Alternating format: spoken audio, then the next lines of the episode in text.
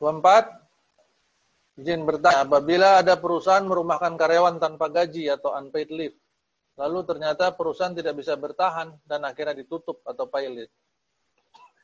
Apakah karyawan masih bisa melakukan tuntutan kepada perusahaan yang telah tutup? Bisa. Ya pada saat perusahaan mau tutup itu karyawan menuntut. Apabila ada perusahaan merumahkan karyawan iya. Maka uh, masih tanggungan perusahaannya kalau dia nggak membayarkan si karyawan. Jadi perusahaan tidak bisa bertahan ditutup kan untuk memutuskan hubungan kerja ada kompensasinya. Merumahkan karyawan ini kan hanya tindakan sementara, tapi hubungan kerja kan masih ada. Maka kewajiban pembayaran kompensasi PHK masih tetap ada. Karyawan bisa menuntut. Berikutnya, Wah, ini pertanyaannya menarik nih. 25. Bagaimana strategi pemerintah untuk menanggulangi terjadinya lonjakan PHK di saat seperti sekarang ini, Pak? Oh. Baik. Bapak Ibu sekalian, eh, saya, kemudian kami DDHM Partners, kemudian e-growth itu bukan pemerintah. Itu hal pertama yang perlu saya sampaikan. Sehingga kalau strategi pemerintahnya sebaiknya memang yang benar yang menjawab adalah pemerintahnya sendiri, ya. Jadi, tapi kalau ditanya apa pendapat saya, nah itu mungkin bisa pendapat saya ya. Tapi ini belum menjadi strategi pemerintah, saya tidak tahu. Tapi pendapat saya pribadi, kondisi lonjakan PHK yang sekarang sedang terjadi, bahkan sebelum masa pandemi ini, itu kan kondisi perekonomian, persaingan usaha sudah mulai berat, sudah mulai banyak yang di PHK. Kemudian eh, langsung dilanjutkan di Februari Maret terutama dengan kondisi pandemi. COVID-19 welcome to Indonesia kan begitu ya makin berat lagi, makin banyak lagi perusahaan yang melakukan PHK. Jadi ini adalah ini adalah fakta yang tidak bisa dipungkiri.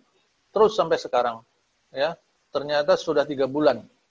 Nggak terasa ya, bulan Maret, April, Mei, sekarang udah bulan Juni nih, udah tiga bulan nih. Dan dalam tiga bulan tuh perusahaan udah banyak yang babak belur itu. Ya. Nah, menurut pendapat saya pribadi, eh, beberapa hal yang bisa dilakukan paling tidak mungkin dua yang bisa saya sampaikan opini saya. Yang pertama adalah uh, memperbanyak apa namanya pemahaman atau semangat wirausaha. Itu yang pertama. Semangat wirausaha harus disebarluaskan kepada seluruh karyawan, bahkan kepada seluruh rakyat barangkali ya supaya mereka eh, apa namanya juga ikut bersiap-siap. Di samping tentu sebagai pemimpin ada tanggung jawab untuk membantu. Ini saya contoh, sama sekali tidak bermaksud me menjelekkan, memburukkan beberapa pihak ya, tapi murni contoh yang yang saya dapatkan informasinya di suatu negara di luar sana, negara tersebut me, secara resmi melakukan larangan PHK kepada perusahaan sejak bulan Maret itu untuk tiga bulan, berarti sampai bulan Juni kalau nggak salah. Perusahaan dilarang melakukan PHK, kemudian uh, beban uh, beban upah selama tiga bulan itu ditanggung oleh pemerintah di negara tersebut. Coba. Sehingga perusahaan sangat terbantu perusahaan bisa tetap survive karena memang perusahaannya berhenti, karyawan juga tetap survive, nggak mati kelaparan, ya, e, karena akhirnya pemerintah yang turun tangan sebagai pemimpin di negara tersebut mengambil alih selama tiga bulan dibayarkan e, gaji karyawan itu. Ya, ini baru bicara tentang e, pekerja-pekerja formal, belum bicara tentang pekerja informal. Ya. Itu itu salah satu contoh. Ya. Uh, poin-poin ini yang yang yang seharusnya diseluaskan termasuk strategi wirausaha dan sebagainya ya bantuan terhadap para pengusaha supaya tidak cepat kolaps e, karena memang berat ya selama ini pengusaha emang nggak bisa dipungkiri perusahaan mengalami masa yang sangat susah saat ini e, melihat kondisi operasional yang sangat terganggu karyawannya tidak boleh masuk kerja kemudian kalau nggak boleh kerja berarti eh, nggak ada pemasukan, ya kan? Tapi pengeluaran tetap harus ada, karyawan tetap harus dibayar. Nah, kalau perusahaan itu ternyata cash flow-nya tidak cukup kuat, maka di sinilah kehancurannya. Mungkin sebulan masih kuat, nah bulan berikutnya udah mulai terganggu, bulan ketiganya udah makin hancur. Ya, berapa banyak perusahaan yang kita lihat di media-media di negara kita tercinta ini yang sangat terganggu akhirnya memilih untuk melepaskan karyawannya. Dan yang masuk media ini perusahaan-perusahaan dengan nama-nama besarnya loh. Ya kan? Nah, perusahaan yang namanya tidak terkenal itu nggak masuk media. Tapi di lapangan banyak terjadi. Banyak terjadi. Baik, itu kurang lebih ya eh, dalam opini saya pribadi. Opini saya pribadi. Kemudian, oh tadi saya ini. Opini yang kedua dari saya adalah mengutamakan uh, lowongan kerja, posisi-posisi lowongan kerja itu untuk warga kita sendiri, maksudnya untuk rakyat kita sendiri. Ini yang kalau opini saya pribadi ya, Bapak Ibu. Jadi dalam kondisi seperti ini tentu saya akan lebih mengutamakan eh, apa namanya rakyat kita sendiri. Yang rakyat kita sendiri sudah sudah banyak di PHK ya sehingga kalau perlu agak dikurangi kedatangan kedatangan orang-orang tenaga kerja asing uh, terutama yang mungkin uh, tenaganya tidak terlalu ahli ya baik baik yang tenaga asing yang datang secara terang-terangan maupun tidak terang-terangan nah itu ditekan supaya bisa diisi oleh tenaga kerja kita. Ya. Terus pekerjaan-pekerjaan, program-program kalau dulu, zaman dulu kita pernah mendengar istilah program padat karya. Ya. Nah, kalau itu digalakkan lagi, maka paling tidak itu bisa sedikit membantu. Begitu. Saya nggak pengen panjang lebar tentang strategi pemerintah. Pertama karena saya bukan orang yang kompeten dan saya bukan pemerintahnya ya eh, tapi itu tadi opini pribadi berikutnya nomor 26 bagaimana penjelasan oleh Bapak terkait karyawan yang dirumahkan selama sebulan namun ada pemotongan upah sebesar 50% dari gapok gaji pokok ya. Setelah dipotong maka upah yang diterima adalah nominal di bawah UMK nah ini tadi sudah kita bahas di atas ya. Bahwa pemotongan upah tadi merumahkan dengan pemotongan upah semua dasarnya harus menggunakan kesepakatan. Ya, kalau nggak ada kesepakatan, maka itu menjadi pemotongan liar. Dan pemotongan yang seperti itu e, bertentangan dengan perundangan. Ya. Demikian. Kemudian nomor 27.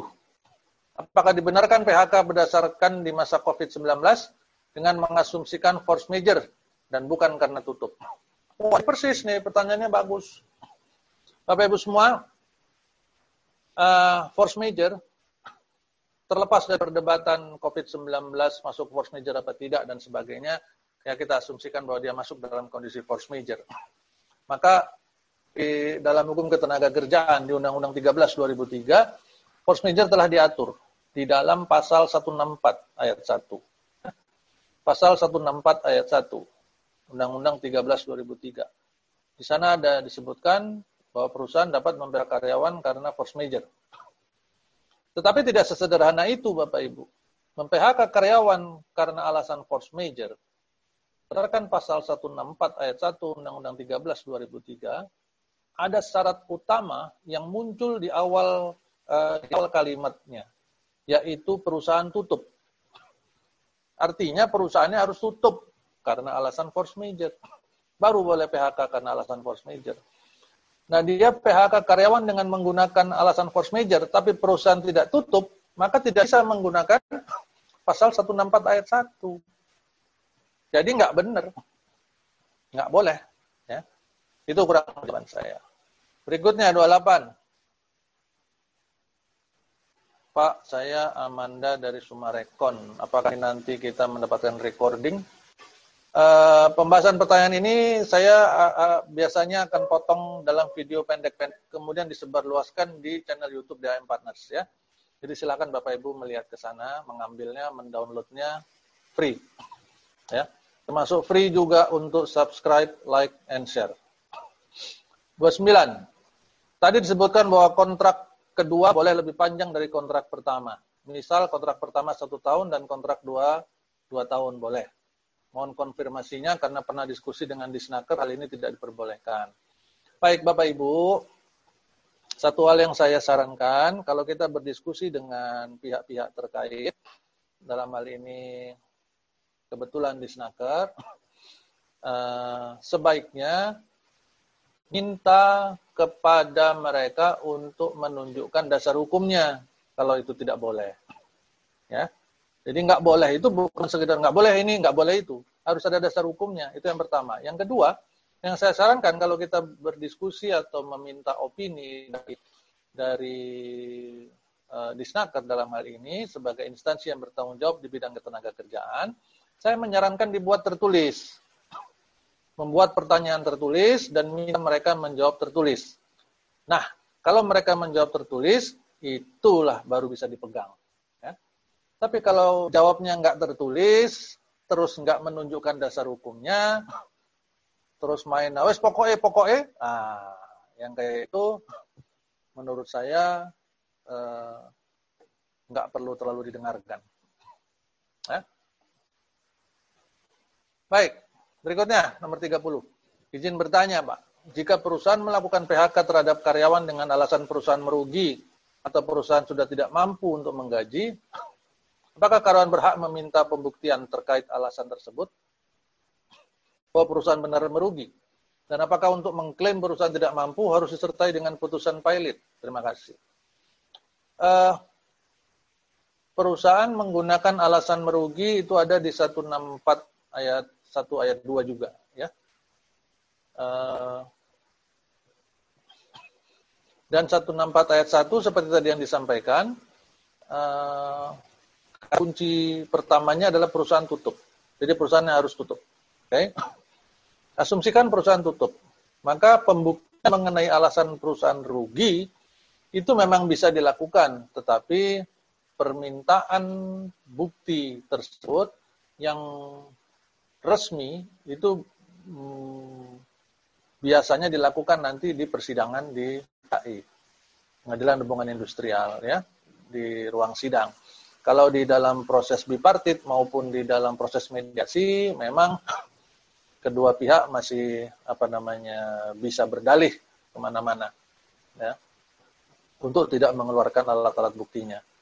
Uh, tapi pada saat sudah di ruang persidangan di PHI maka permintaan untuk mengeluarkan alat bukti apabila tidak dipenuhi akan berdampak terhadap kekuatan uh, tuntutan atau uh, gugatannya pihak yang bersangkutan. Ya. Demikian. Kemudian 31, apakah perjanjian PKWT dan PKWTT harus didaftarkan ke Disnaker? Bagaimana hukumnya jika tidak didaftarkan? Yang saya tahu perjanjian kerja memang didaftarkan ke Disnaker ya. Kemudian eh, yang saya tahu juga bagaimana hukumnya jika tidak didaftarkan eh, di dalam perundangannya nanti mungkin ada Bapak Ibu yang bisa mengkoreksi kalau keliru di dalam Undang-Undang 13 dan 2 2004 di sana ada sebutkan mengenai pendaftaran pendaftaran perjanjian kerjanya ya uh, ada pas waktunya juga kalau nggak salah tujuh hari atau tujuh hari ya kalau nggak salah kemudian uh, mengenai sanksinya itu tidak tidak muncul di sana. Yang saya tahu sih tidak muncul di sana. Cuman memang saya mendengar ada beberapa kasus di mana uh, ada kondisi uh, PKWT tidak didaftarkan, kemudian berubah menjadi permanen. Uh, menurut saya itu dipelajari kasusnya. Apakah keputusan pengadilan untuk menyatakan PKWT itu menjadi PKWTT murni hanya karena tidak didaftarkannya atau ada lainnya. Nah, itu yang perlu digali dengan cara membaca dengan benar, memahami dengan benar putusan pengadilan yang bersangkutan yang berhubungan dengan kasus itu. Uh, sampai hari ini saya belum belum mempelajari sebuah uh, kasus yang seperti ini.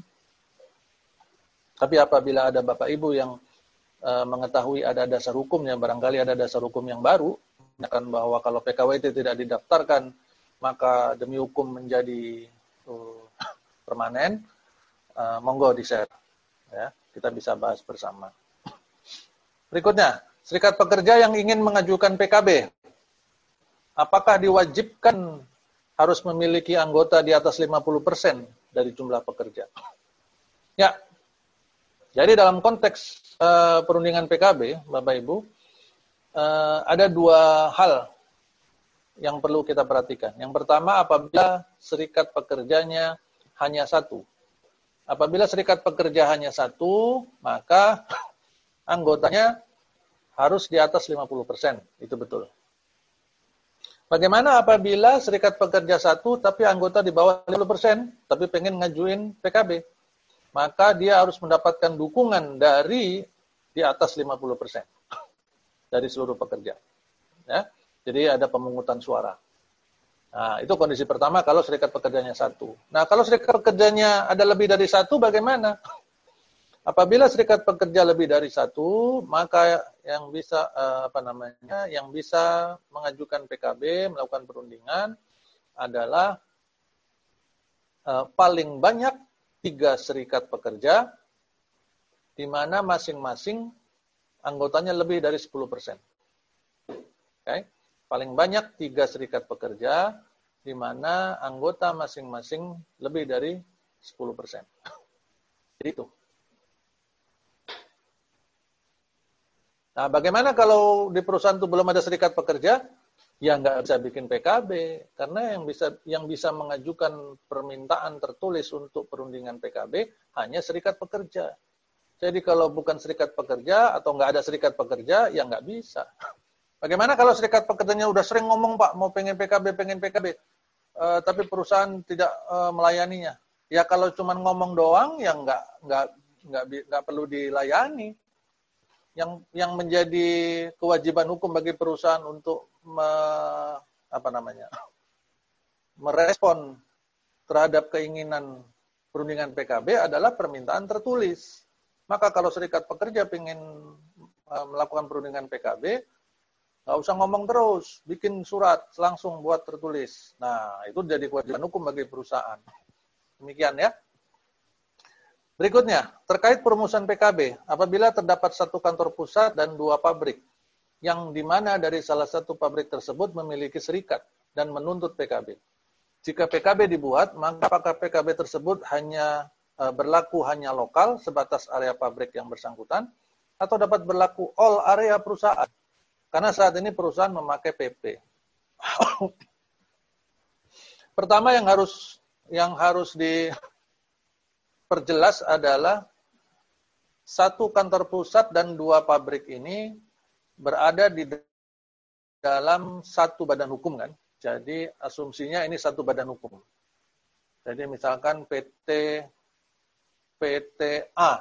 Nah, PTA ini kantor pusatnya di Jakarta, pabriknya ada dua. Nah, tapi tetap PTA juga, yang pabrik juga PTA, pabrik kedua juga PTA.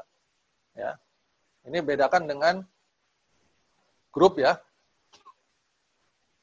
PTA kantor pusatnya, kemudian pabrik pertama PTA 1, pabrik kedua PTA 2. Itu satu grup. Nah, ini badan hukumnya beda-beda.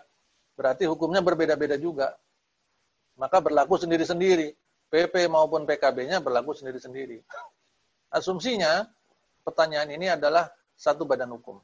Kalau ini satu badan hukum, maka berlakulah tadi ketentuan yang di atas. Kalau dia sudah memang di atas 50 persen, 50 persennya dari jumlah pekerja yang mana? Pekerja pabrik saja atau pekerja yang menuntut saja? Enggak. Pekerja di badan hukum tersebut, di perusahaan tersebut. Di perusahaan tersebut,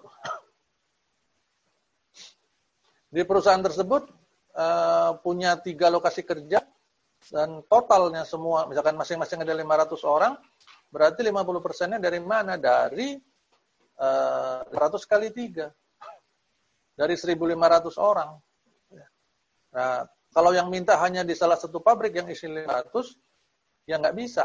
Harus diminta dari seluruh uh, yang tiga lokasi tadi, satu badan hukum. Dimintakan uh, kalau melalui pemungutan suara, pemungutan suaranya kepada seluruh karyawan 1.500.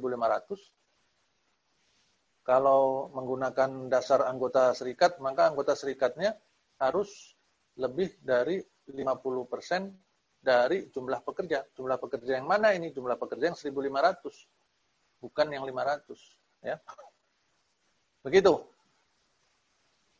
Pertanyaan dari batch 2 terakhir record webinar bisa dilihat di mana? Di YouTube ada? Ada. Di YouTube ada, itu ada di YouTube-nya DHM Partners. Ya. Baik. Sekarang kita masuk ke pertanyaan di batch 3. Jenis pelatihan yang tepat setelah pandemi selesai. Sebentar. Oke. Jenis pelatihan yang tepat setelah pandemi selesai.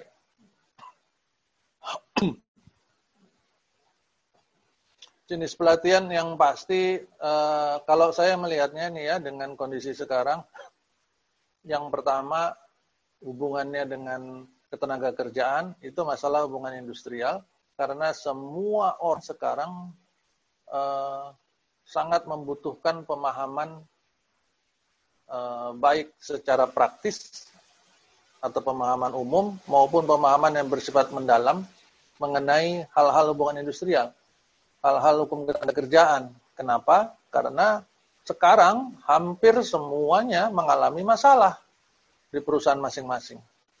Sehingga mereka sangat membutuhkan itu. Itu yang pertama. Yang kedua, tentang bagaimana surviving uh, untuk karyawan, ya, untuk kepentingan karyawan,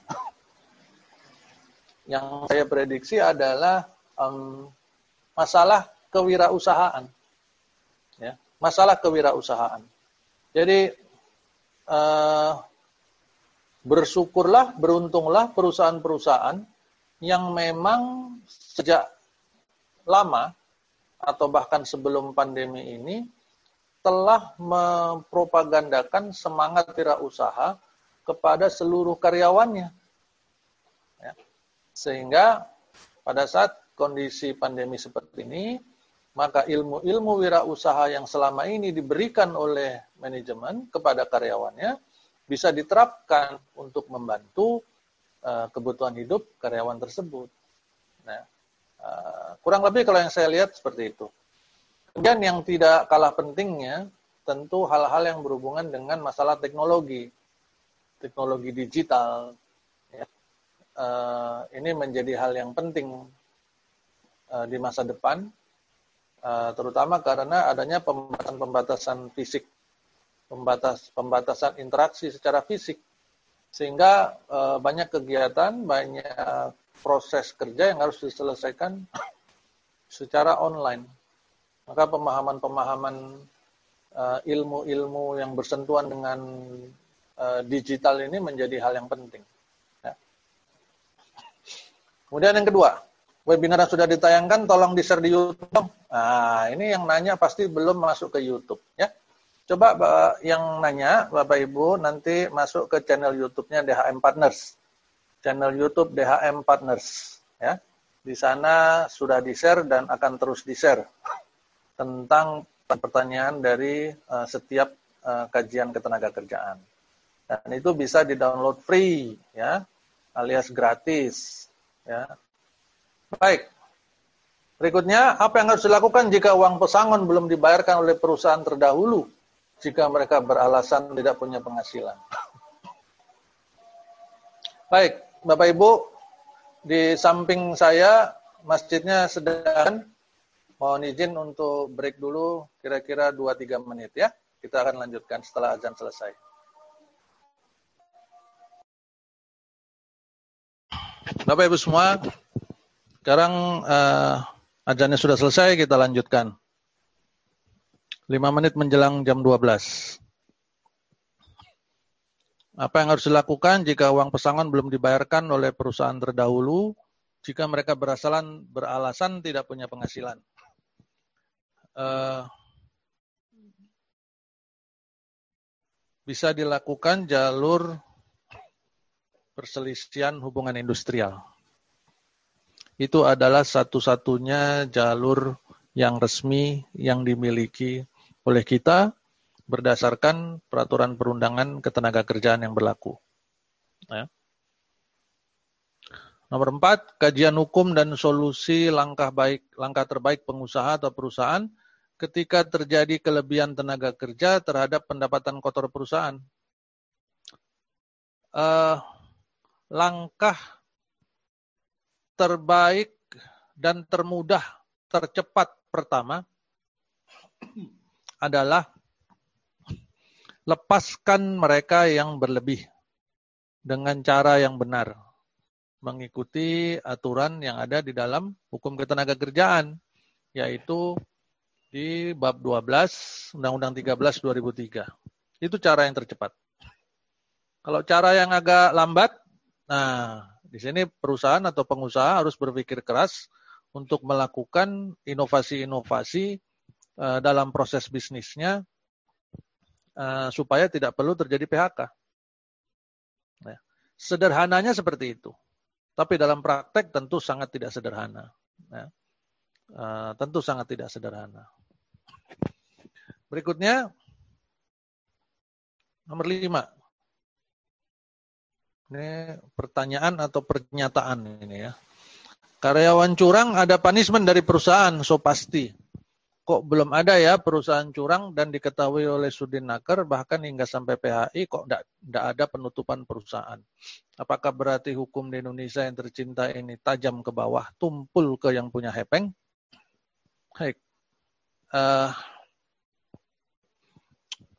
uh, pada dasarnya penegakan hukum itu seharusnya berlaku adil ke semua ke semua pihak. Tidak melihat latar belakang, tidak melihat jabatan, ya, tidak melihat uh, kaya atau miskin. Seharusnya demikian. Bahwa dalam praktek di lapangan ada terjadi beberapa kondisi yang belum ideal, itu uh, tidak boleh menjadikan kita sebagai uh, rakyat atau warga yang sadar hukum untuk tidak lagi percaya kepada hukum. Jadi itu tetap harus kita pegang teguh hukumnya, ya. Bahwa ada yang tidak benar di lapangan itu adalah oknum dan mereka yang akan mengalami kerugian nantinya. Ya. Sehingga nah uh, fokus kepada perusahaan, oknum perusahaan yang curang, kemudian sampai dituntut. Nah ini eh, setahu saya sih banyak ya, bahkan dari dari berbagai kasus PHI, eh, kasus pers, eh, perselisihan hubungan industrial, di berbagai kasus perselisihan hubungan industrial itu banyak sekali kasus di mana eh, perusahaan juga kalah, banyak kok, juga banyak karyawan yang kalah gitu kan. Jadi eh, kalah dan menang itu memang banyak terjadi di sana. Kalau perusahaan kalah, perusahaan harus membayarkan semacam kompensasi dan sebagainya. Uh, itu banyak sudah, banyak terjadi. Tapi kalau masalah penutupan perusahaan, saya kebetulan uh, nggak terlalu tahu prakteknya di lapangan seperti apa sampai perusahaan ditutup ya. Tutup dalam arti melalui putusan pengadilan ya. Karena tentu dampaknya ini sangat besar karena biasanya kasus-kasus perselisihan yang muncul itu melibatkan uh, satu orang atau sekelompok orang, bukan 100% karyawan. Ya, sehingga kalau hanya sekelompok orang misalkan, maka um, sebagian yang lain kan masih tetap perlu bekerja. Kurang lebih sih seperti itu. Namun pada dasarnya uh, hukumnya ini uh, harus tetap kita percayai bahwa hukum ini berlaku sama kepada semua orang. Ya. Semua orang kedudukannya sama di muka hukum.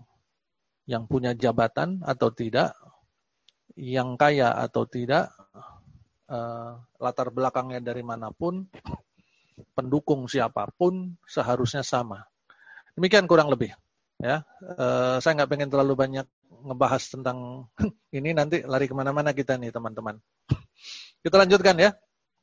Bagaimana solusi sesuai peraturan perundang-undangan apabila ada karyawan mangkir dan sudah dikirimkan surat panggilan tetapi berhalangan untuk hadir karena sedang menjalani isolasi 14 hari di desanya. Karyawan tersebut ternyata mudik dan sebelum masuk kerja juga harus menjalani isolasi 14 hari. Baik.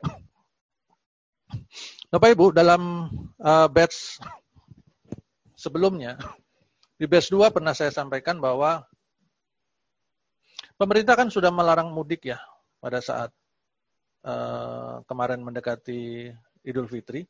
Ya, terlepas dari segala kontroversinya antara mudik pulang kampung dan sebagainya, tetapi pemerintah pada intinya melarang uh, uh, melarang untuk mudik. Tujuannya hanya satu untuk um, apa namanya mencegah penyebaran uh, COVID ini semakin besar. Seharusnya di perusahaan kita